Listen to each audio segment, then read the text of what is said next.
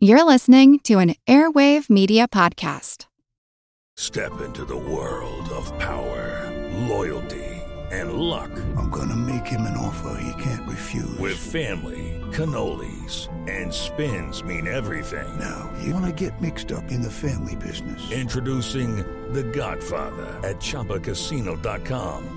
Test your luck in the shadowy world of The Godfather slot. Someday, I will call upon you to do a service for me. Play The Godfather now at ChumbaCasino.com. Welcome to the family. No purchase necessary. VGW Group. Void where prohibited by law. 18 plus. Terms and conditions apply.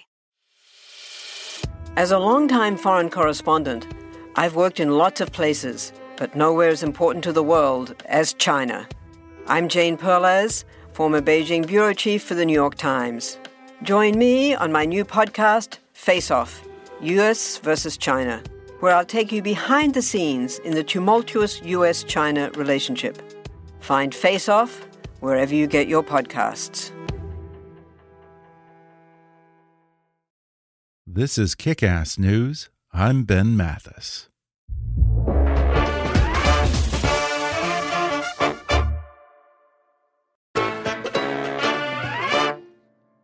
From praising dictators to alienating allies, President Donald Trump has made chaos his calling card.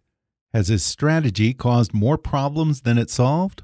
CNN's chief national security correspondent and anchor of CNN Newsroom, Jim Sciutto, tries to answer that question in a new book titled The Madman Theory Trump Takes on the World. And today, Jim Sciutto joins me on the podcast to discuss the Nixon era origins of the so called madman theory and how it applies to Trump's scattershot approach to national security. He talks about Trump's disdain for his own national security team in favor of a shadow cabinet of informal advisors that wields enormous influence over this president. He also reveals that the president's intelligence team deliberately avoids bringing up Russia for fear of setting him off and how this has led to a dangerous ignorance of America's number one geopolitical foe. He gets into the president's fraught relationship with China, how Trump went from fire and fury to falling in love with Kim Jong un, and what the failed Hanoi summit taught him about the limits of personal diplomacy. Plus, how the Pentagon dangled oil money to keep the president from withdrawing out of Syria. One source who makes the cryptic claim that Vladimir Putin is Donald Trump's honeypot and what Trump's golf game can teach us about his approach to foreign policy. Coming up with CNN's Jim Sciutto in just a moment.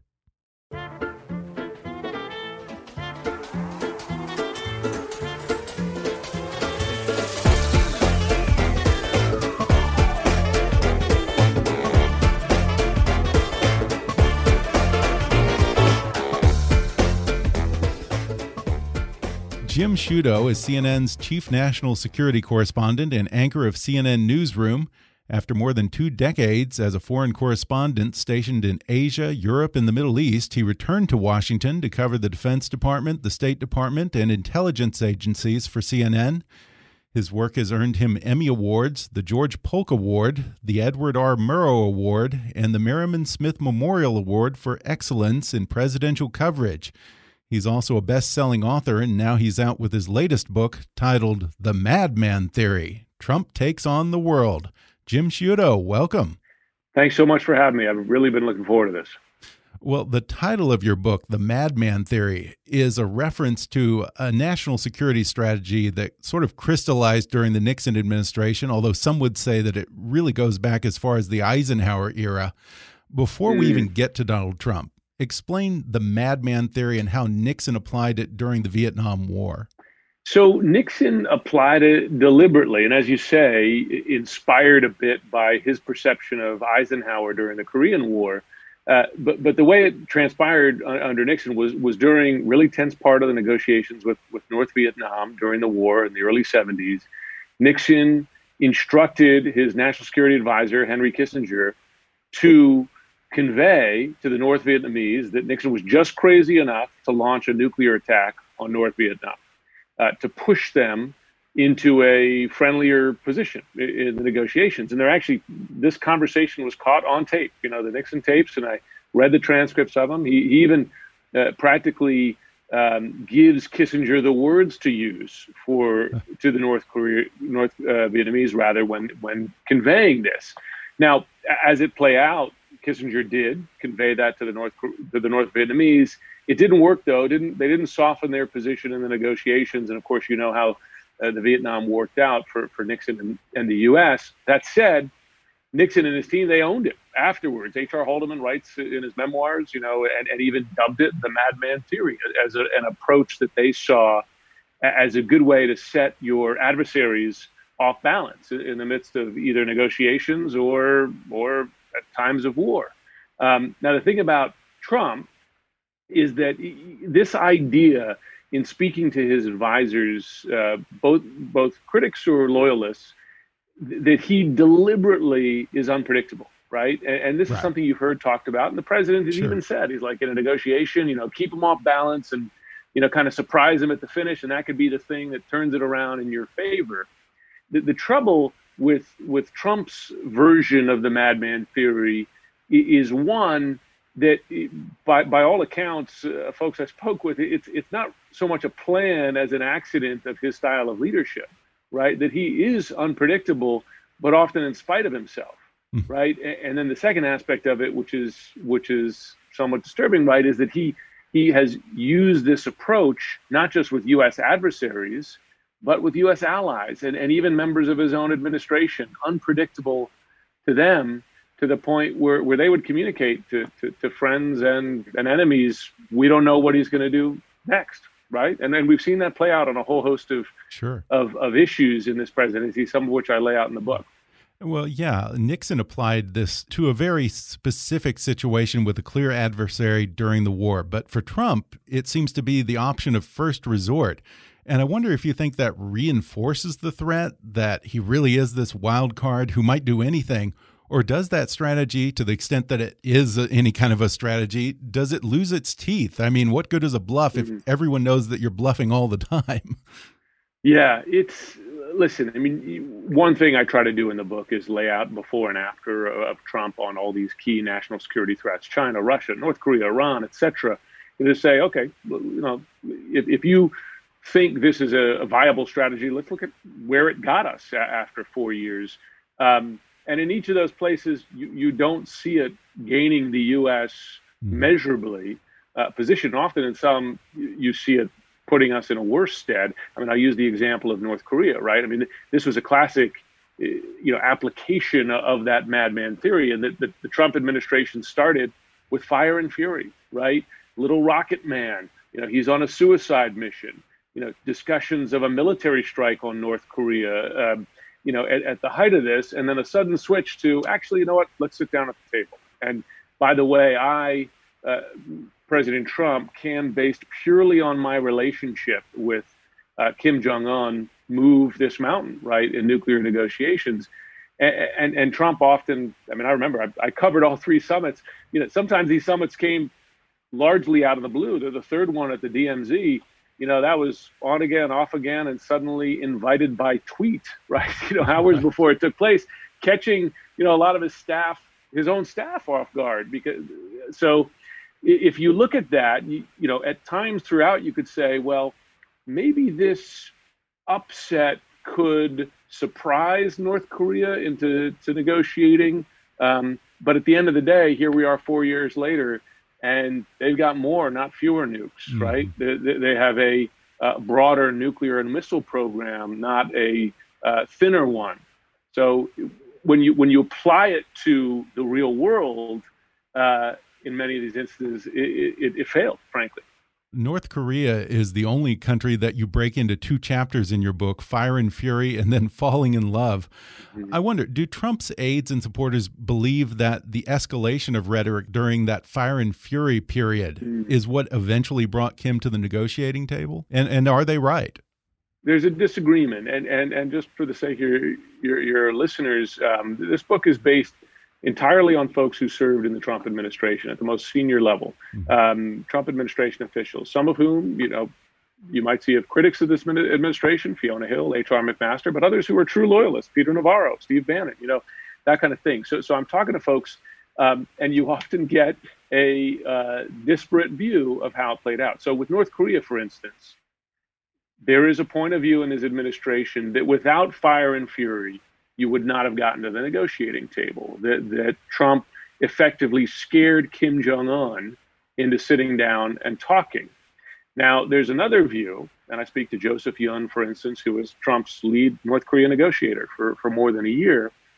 Uh, and, and, some of this lines up, frankly, with, with the U.S. intel assessment of North Korea, is that Kim moved at the end of 2017, early 2018, because he reached a conclusion that he had the nuclear program he wanted, that he, that he, he felt strong enough, he'd advanced strong enough. You, will probably remember that you know, it was late in 2017 that, that North Korea set off its biggest nuclear test by far, six nuclear test, which the U.S. believed was a thermonuclear device. So that, you know, with that progress, Kim could say, all right, I got the cards in this right now. I could sit down and talk. And the worry among Trump's advisors throughout was, okay, wait, is he going to play us? Is he going to stretch this out like Kim and his father and grandfather before him did to previous presidents, are we going to get somewhere? And you know, you look where we are today, and you might say, you know, we got played once again. Yeah, one of the centerpieces of Trump's foreign policy has been his reliance on personal relationships with world leaders. Mm. And I remember in that second summit in Hanoi, he couldn't get any major concessions from Kim and he had to walk away. Among the yeah. people with whom you spoke, did any of them say that maybe Trump learned something from that about yes. the limits of his brand of personal diplomacy? It's a great point, and it's one I highlight in the book that, that Trump does, and even his biggest critics will acknowledge, acknowledge this. He does at times self-correct, and that was a great example of it. Where going in to the second summit, and again, I was there in Hanoi. His advisors we're saying, wait a second, you know, none of the groundwork is laid here.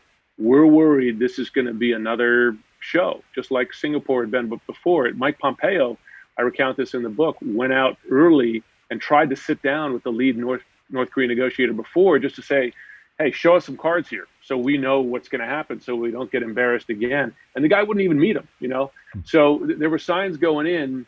And when Trump saw what they were willing to offer, he, you know, he called it the walk. You know, he said, no, not good enough. And that, that was an example where, and I speak to Sue Gordon, for instance, who was uh, uh, the, the second senior most U.S. intelligence official at the time, who, who often briefed the president. She said that was a time where I felt like we reached him. You know, we reached him and, and convinced him that it wasn't working. Now, lo and behold, he went back for another face-to-face summit. You know, imagining that the sort of charm offensive from Trump himself would change the dynamic, and it just didn't. It just didn't do it. Mm -hmm. Fiona Hill refers to something that she calls the hyper personalization of the U.S. Mm. presidency in your book. Uh, what does she mean by that? It's a real, you know, she's such a sharp observer uh, uh of President Trump, and and I know she testified, as you know, in the impeachment hear, hearing, and folks might imagine that she, that she is a uh, you know, she's a Trump hater or an ever Trumper. She's not. I mean, we, we had many conversations for this book, and she she spoke of efforts that the president made with Russia, even for instance, that that she felt had some substance to them, right? So, but her view of the way he operates is that, and this is certainly not confined to her, right? This is a consistent thing, is that everything runs through the prison of Trump. That everything, in his view, is reflected one how does it affect his interests, right? You see this. How does it affect his political fortunes? Um, you know, a whole host of things are run through that filter for him. Uh, you know, withdrawing troops from Afghanistan or Syria. I made a promise to end the endless wars, even if his even if generals on the ground are saying, if we pull out now, we're going to lose against ISIS. He's like, yeah, but I got this campaign promise, right? You know, it's run through that single filter. I mean, she talked about uh, it even as it related to the coronavirus pandemic, as that was beginning to break out, where for him, he saw it as wait a second, my number one campaign sales pitch is being undermined by this pandemic. How could this be happening to me? Which, which prevented one, a comprehensive response at the start of it, and we're paying the price of that right now, but two, also even kind of an expression of empathy, right, for the people going through it. Um, and, and, Fiona Hill made a very interesting comparison for it. You know, someone who, of course, is a student of Russia, she said, to a degree, hyper hyperpersonalization to a degree, not even present under Putin in Russia, huh. in that she found that all decisions, everything just through Trump. There was no structure under it. There was no decision by committee. Um, and she said, even under Putin, uh, later in his term, there, there, were there were attempts to kind of spread. And granted, listen, Putin's authoritarian. I'm, I'm not defending it. I'm just saying that in the decision making in the Kremlin, she said there were attempts to spread the decision making around. Whereas in Trump's world, it's gone the opposite direction, shrunk mm-hmm. just to him to the point. She says this in the book as well, where when she would meet with counterparts in Europe, friends and or Russian counterparts, they would say, "Well, how do we know what you're telling me means anything? Because Trump could just change his mind the next day." She she's like, "I didn't really have an answer to that." Yeah, and that's a dangerous situation because uh, that's where 99% of the real work gets done, not directly yeah. in conversations with Donald Trump. Yeah, it's true. Uh, Sue Gordon made that point. You know, she asked me, she said, "How what percentage of decisions in government do you, do you think national security decisions do you think the president makes?" And I was like, "I don't know, half, you know, two thirds. You know, you just kind of imagine." She's like, "Like 99.9 percent are decisions made outside." You know, not in defiance of the commander in chief, but just that there's stuff coming at you every day. So, uh, and she made that point in the context of another thing that's a phenomenon of the Trump presidency is the complete dissolution of a national security process. Mm-hmm. You know, I, I, tell a couple stories of where, you know, the, the national security process would happen after the decision, not before it. Yeah. Right? Like the two withdrawals from Syria by tweet, surprising his own staff. You know, they came up with the sort of explanation for it afterwards, not before, because there was no debate before. There were no situation room meetings that discussed the second and third and fourth order consequences of it. Trump, as you know, he's attacked institutions, individuals, and even the process. And another instance of just the hyper personalization of this. We're going to take a quick break, and then we'll return with more when we come back in just a moment.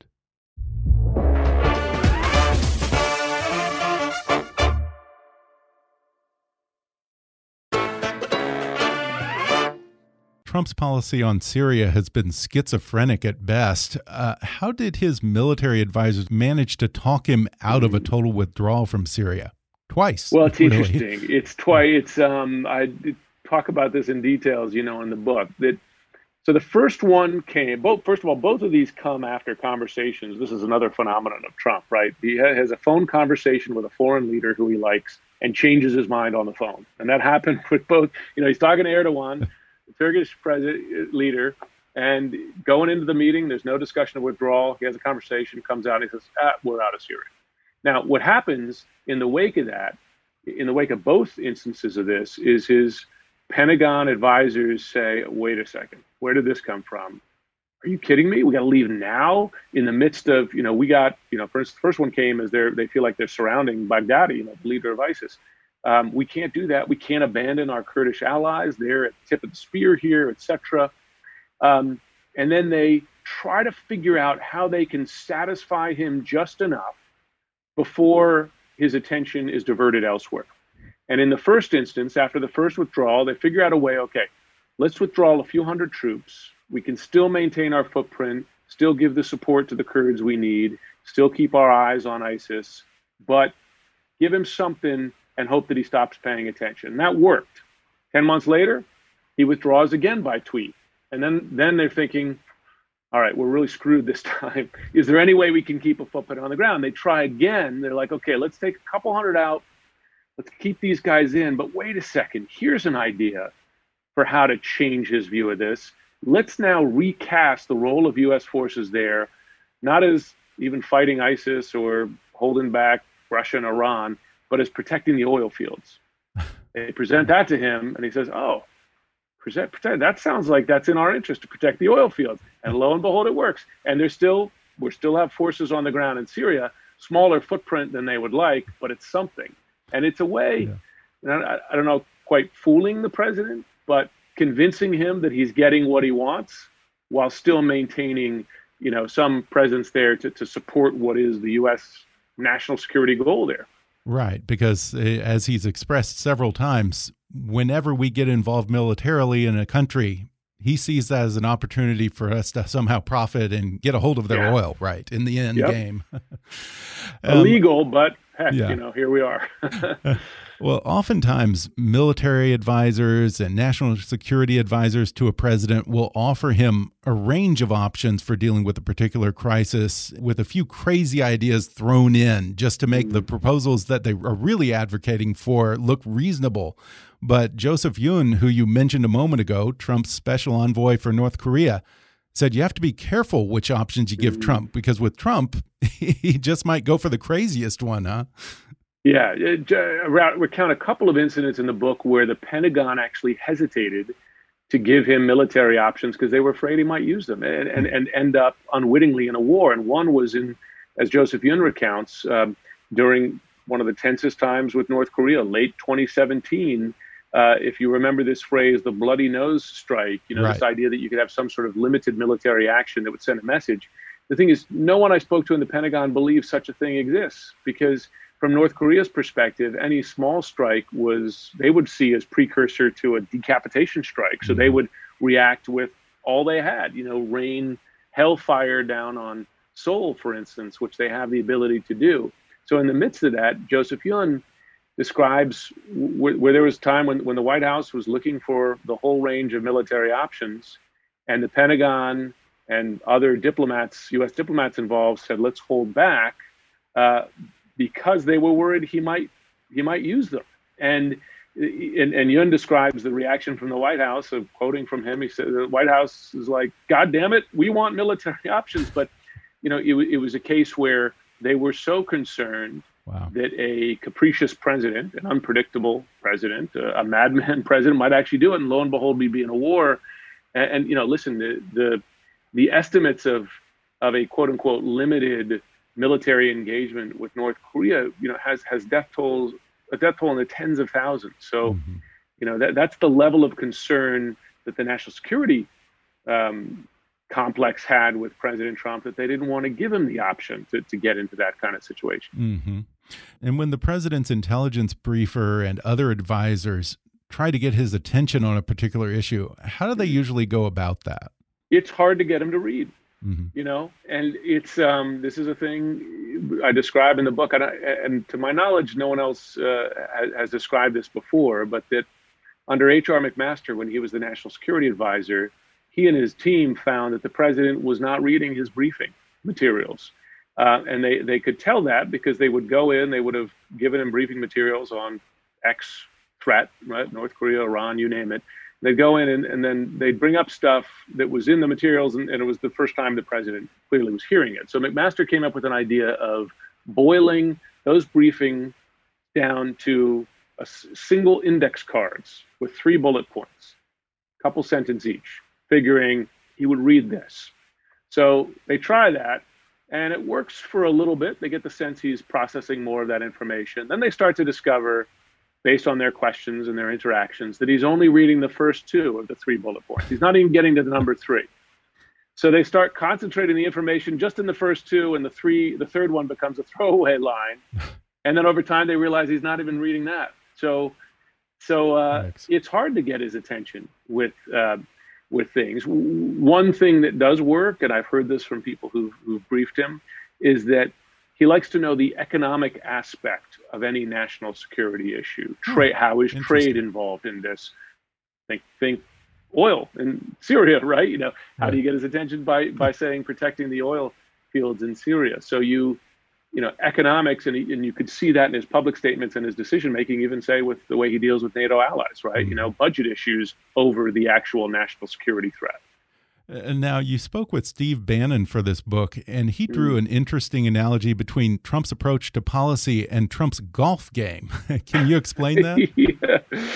He said Trump, he says when, when you play golf with Trump, which I haven't, I haven't done, he said he does not hit balls on the range before. He just goes out and swings. He's a game day player, self described. And he said that's the way he approaches the most consequential decisions of government that he trusts his gut so much that he he goes in, wings it, and feels like he's going to come out. He's going to come out ahead. Now, that is often in defiance of the record. right? Because you could say the game day golfer, that's exactly how he played North Korea in three face to face meetings, didn't get him or us anywhere, right? But this is a very confident leader. That's another description I got from others, you know, than Bannon. Uh, Sue Gordon briefed him many times, said he's a confident decision maker, you know, more confident than she's seen in government. And she said, though, confident to the point where not even does he just uh, ignore others' advice if he thinks his own view of things is better or smarter, but he often ignores or questions facts and information. You yeah. know, intelligence. They'll come and say, "We know X to be true," and say, "I don't believe that." Wow. And that's that's a real difficult space to go because she sure. said there she said there are times where we think stuff and there's time, times where we know stuff. Mm-hmm. And when he disagrees when we know stuff, that's a problem. Yeah.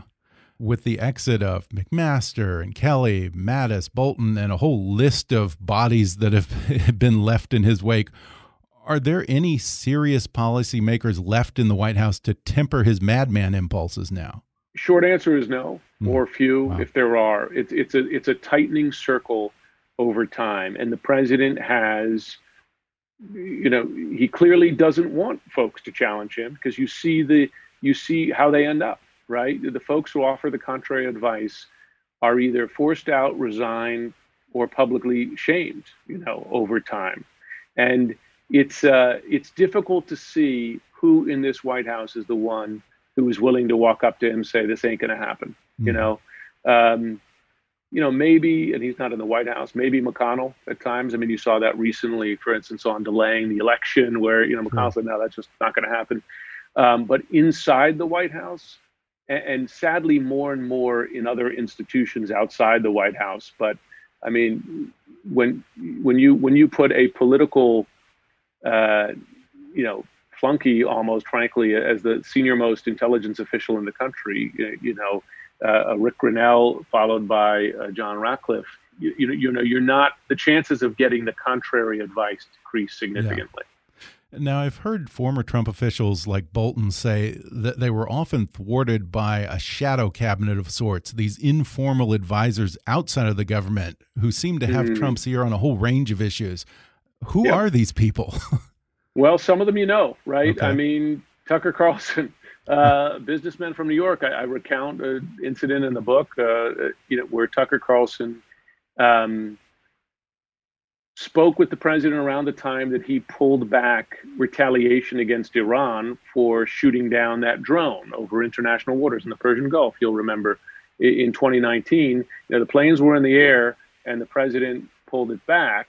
Now, the, the public story, and I tell this in the book, is the president found out that uh, it was possible that as many as 150 Iranians could be killed in the U.S. Retali- retaliatory military action, and he made a decision uh, that that was too much. Now that that's that's a fair decision to make after the shootdown of, a, of an unmanned drone, but that is information, as I tell in the book, that would have been at the front end of discussion of that military option. He wouldn't have found that out after planes were already in the air.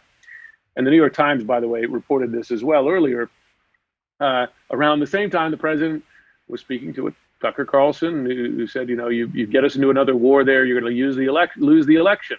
And, and again, so here's a non-official advisor delivering consequential advice, but also in the category of, uh, you know, something that relates to the election. It wasn't a judgment of the national security implications of it or what we're going to get, or is it going to bring us closer to goals? Well, wait a second. I'm going to I'm going to be damaged in the election. We can't do that. And, and, there are numerous instances of where he speaks to folks outside and his formal advisors, and frankly listens to them. Hmm. It's it's something. Uh, uh, Master and others describe it as the people in his ear. They were often worried about the people in his ear. Now, I was amazed to read that intelligence agencies briefed Trump less and less, specifically mm -hmm. on Russia, because he would blow up whenever Russia came up in briefings. Yeah. Shouldn't we be alarmed that the president of the United States is being left in the dark about one of, if not the biggest adversary that America has?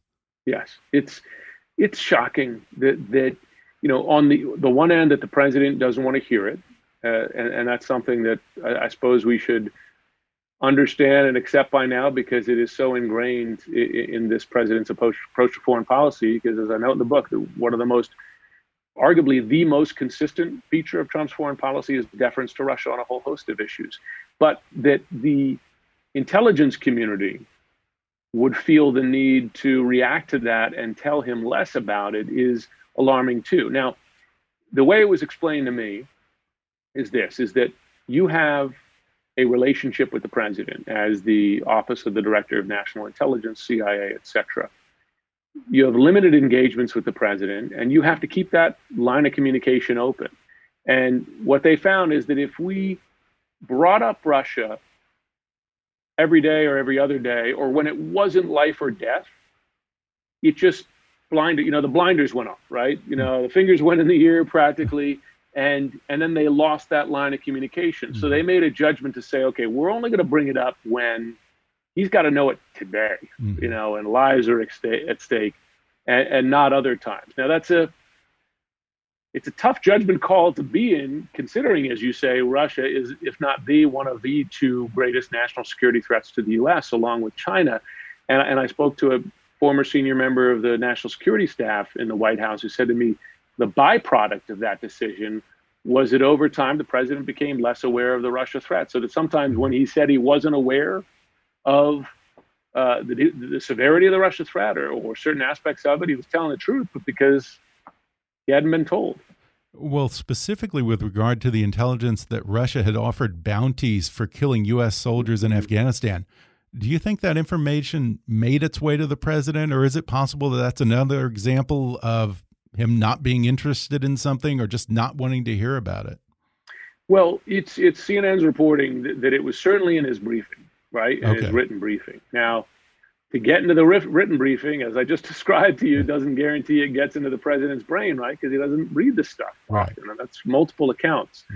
Um, whether it was highlighted to him in a conversation, we don't know for sure. Um, what's remarkable, though, is, is this that even when it was out in the public sphere then, the president knows now, right? I mean, he's read in the papers. Um, the president's reaction is to question it, call it another Russia hoax. You've heard that uh, phrase from him, and not once raise it in, in one of the half a dozen phone calls he's had with Putin. You know, he, he can argue, and even others who take it seriously can say, well, it's not 100% confirmed. But what he never did was say, guys, this is true. I won't stand for it. He never, he, he's never said that to Putin. By the way, the pattern extends further back because we know, and this is harder intelligence, that in 2018, uh, Russia was arming the Taliban. And the way the president responded to that, uh, I'm, I'm sure you've seen these comments uh, recently. He said, "Well, we armed the Taliban, you know, back in the 80s. You know, this kind of yeah. this kind of whataboutism, which which frankly mimics Kremlin talking points on, on that kind of stuff. So it's, you know, even when he finds out about it, his reaction and decision making is just it's just it's truly remarkable for a U.S. president. And this brings to mind one of the great mysteries of this presidency, which is Trump's one sided bromance with Vladimir Putin and his utter mm. capitulation to Putin on a variety of issues from Ukraine to Syria, the hacking of the election. Is that relationship equally an enigma to the people who work for Donald Trump? Yeah, yes. And I, I, I asked everybody I interviewed, loyalist or doubter or critic or people in between, explain to me the president's fascination with Vladimir Putin. Mm -hmm. Explain to me. And the, the, the one that they came, that was the most unanimous was that he has an odd admiration for Vladimir Putin. He envies his power. He shares his somewhat nihilistic view of relationships among countries that, you know, it's really the end of American exceptionalism in Trump's view. His idea that we're all power players, none of us, you know, we're all, we're not particularly good. You remember Trump's comments to Bill O'Reilly very early in his term, you know, O'Reilly says Putin's a killer. He says, well, are we that great? You know, that, that Trump shares Putin's view even of, of our country, mm-hmm. right? Let alone Russia and the world, envies his power. But and this is the more even more worrisome part. Russia's aware of that.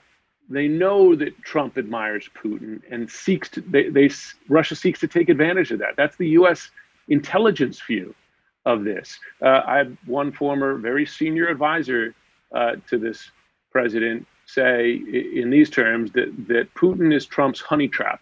Huh. Pretty remarkable thing to hear. You know, honey trap, you know, the, the, the kind of attractive woman used to, to turn a spy. Yeah. That's a disturbing thing. I mean, you, you struggle to find the adjective, but, but as, just as an American, it's a disturbing thing to hear about your president. And that, listen, I, I did ask the folks I interviewed. I said, "Do you think Putin's got the goods on Trump?" You know, you know, I asked him that, and you know, whatever folks' private suspicions may be, no one that I spoke to had evidence of that. Mm-hmm. So the expl- the best explanation they came down on is that he admires the guy and just thinks he can get along with him. But what does that mean in this context? Uh, Putin is Trump's honey trap. Honey trap is an espionage term for, you know, yeah. a woman or sex to get someone to divulge secrets or turn. What does that mean in this context? Because that it sounds means, pretty damning to me. Well, there's no sex to my okay. it means that uh, through the charm of personality and relationship and quid pro quo, mm -hmm. that Putin charms uh, the U.S. president into seeing the world his way. Okay. Okay. You know, and, and therefore, you know, that's a big win for Russia. That's no small thing. Therefore, the president, for instance, can say U.S. troops in Europe are not helping keep the peace and defend Europe against Russian aggression. They're actually worsening the situation. Mm-hmm. That's a Russian position. We just withdrew a bunch of troops from Europe, you know? Um, you know, there, there are, of course, the other instances where he straight up repeats Russian propaganda. I mean, the, the Helsinki moment, you know, was Russia really behind election interference? Um, so that that has consequences. There are other instances of how Putin holds sway over Trump in this sense, and that is that a lot of Trump's own advisors believe that Putin is the source of Trump's view of several things. That that Trump's hostility to European leaders, our allies, is partly informed by Putin's view of those leaders, Merkel included, that Trump's understanding of the origins of World War II are influenced by Putin as well. You know, uh, this idea that that Russia was always a good actor on our side. I mean, forget the remember the Molotov-Ribbentrop Pact. I mean, they split up Poland, right? But that's forgotten. Of course, something that in in Russian revisionism is forgotten as well. But you'll see President Trump kind of mimic um, that view of World War II, mm-hmm. and it's a suspicion of people who work for the president that he gets that's influenced by by the Russian president himself. Your chapter on Russia is titled Strong Man Good. Your title on China is Strong Man Bad. Confronting China has been one of the most prominent features, probably the mm-hmm. most prominent feature of Trump's foreign policy. In Trump's worldview, it seems like everything is just a zero sum game with a winner and a loser. It doesn't mm. seem to me that there will be a winner in the situation with China. Everyone loses. It's just a matter of who loses more. Is there a silver lining or an upside to Trump's China policy, or is it just mutually assured destruction? Mm. Well, let's see. From from my personal perspective, I spent a lot of time in China. It's where I spent most of my time studying, reporting, even worked right. in government there for a bit. And, and going in, and this is the way I start the chapter, is that you know China deserves to be stood up to, right, on on so many issues. I mean, one, mm-hmm. one just being the, sure. the outright theft of U.S. intellectual property, cheating on international trade agreements, et cetera. That you know, that, that Republican and Democratic administrations kind of missed it on China. They, they just sort of imagined to themselves that over time China would kind of reform itself, and that was, you know, belied by the facts for years. So, so standing up to that, you know, for, from a U.S. perspective, is a is a good thing. You know, it's a good, it's it's probably a necessary thing. The question is then, what do you do? The trouble with where we are now, particularly in election year, is that it appears that Trump has decided to make China the you know the the ogre of 2020, and they're like throwing everything at it right now. Um, listen, some of it deserved, right? I mean, it, China's behavior in Hong Kong needs to be called out, and there need to be penalties for it. The question is, what is the end game? Mm. Which is a question I asked on a whole host of these national security issues for Trump, and it's it's difficult to identify, even for his closest advisors. The president hasn't articulated it with China or with other countries, frankly. And if the president hasn't, we know his advisors haven't because we know that the way national security works in this administration is it follows the president, right? You know, the, the, the policy kind of follows his decision making. So the worry is that, yes, good to stand up on this stuff, but but how do you get to a place where you're getting what you want as opposed to kind of a, a rapidly escalating standoff? I mean, Iran is another example that follows that pattern, right? The president came in, again, a campaign promise, I'm going to get out of the Iran nuclear deal. Okay, you don't think it's good enough, it's not broad enough. What have you replaced it with four years later? Four years later, Iran is closer, not farther, from a nuclear weapon. You know, they are they're they busted through the limits on enriched uranium, uh, heavy water. Uh, you know, a couple different paths to get to get to a bomb, uh, and you've undermined your credibility as a country to make the next deal, not just with Iran but North Korea. Why would North Korea gr- believe? You know, let's say you sign a deal limit your nuclear production and allow in inspectors. Wait a second, you guys just did that for, for Iran and you walked out of it. So, like with each one, you know, the first step can be justified. The trouble is, where does that take you mm-hmm. other than kind of confrontation for confrontation's sake? In the epilogue to your book, you say that the pandemic has perfectly crystallized Donald Trump's approach to the world and to the office of the presidency. How so? It's because we've seen in this, and I articulated some in that chapter, uh, facets of Trump's approach uh, come across with ultimate clarity in his response to the pandemic. You know, minimize the severity of the crisis. That's we're still there, right, with this mm-hmm. president, even six months in, and with the death toll rising and positivity rates up. Personalize it, right? It's about me. You know, what, what about my election? You know, how, how could this have happened to me? How can I you know, respond to this in such a way that it helps my election results as opposed to actually control the virus. I mean, heck, today he's talking about having a vaccine by November 3rd. Imagine, imagine that, you know.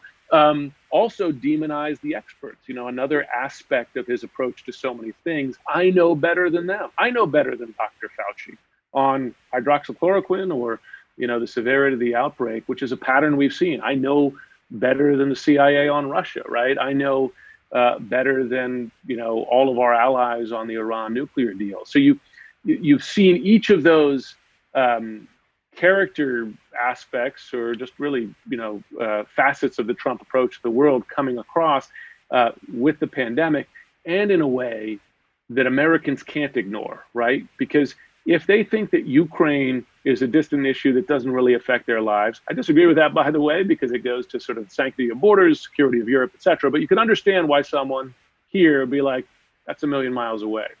Pandemic is on our doorstep. So this whole approach to what is a the domestic problem, but a global one too, by the nature of pandemic, it's now come to Amer- American door, America's doorstep. So the madman theory with the pandemic is something that's you know we all have a very personal direct experience yeah. of well when we take in the past four years in totality has trump's madman theory and toward national security and foreign policy been a success a failure or is it somewhere in between wait and see what by the pure measure of before and after which i try to do in, in the final chapter of the book it, it's a failure almost mm -hmm. without exception mm -hmm. just in that okay, let's go through. North Korea has more, not fewer, nuclear weapons. Iran is closer, not further, from a nuclear weapon. And by the way, is more active in terms of uh, military aggression in the region than they were four, four years ago.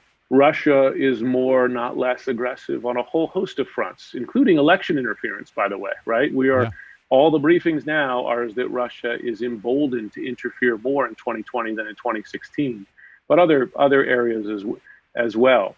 China, uh, you know, China to some degree remains to be seen. I mean, certainly the relationship is no better. You, you can claim, uh, and, and I think rightfully so, victories for finally setting a run, red line under uh, Chinese abuses that you won't stand for anymore. Uh, what's still an open question is, do you get to a better place?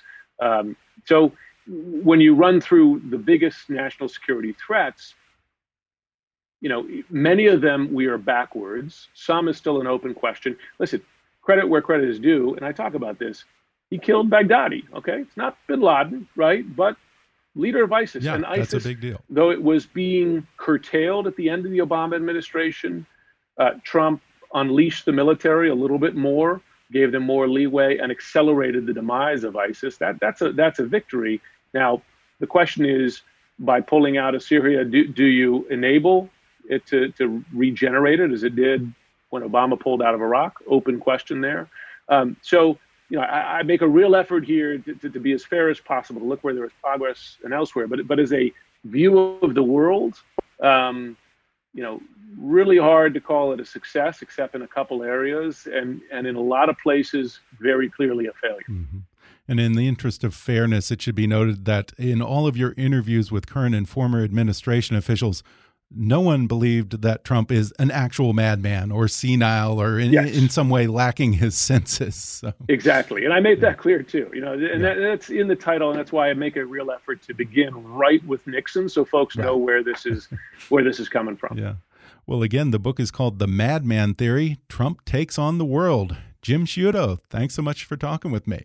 Ben, I really enjoyed the conversation. Thanks so much for reading the book so closely. Thanks again to Jim Sciutto for coming on the show.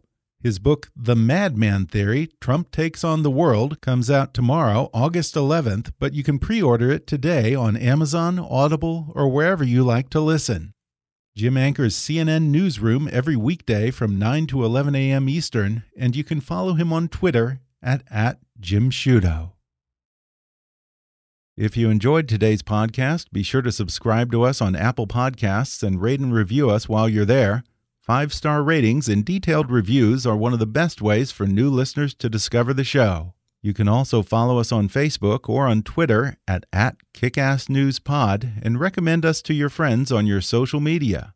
For more fun stuff, visit kickassnews.com, and I welcome your comments, questions, and suggestions at comments at kickassnews.com. For now, I'm Ben Mathis, and thanks for listening to Kickass News.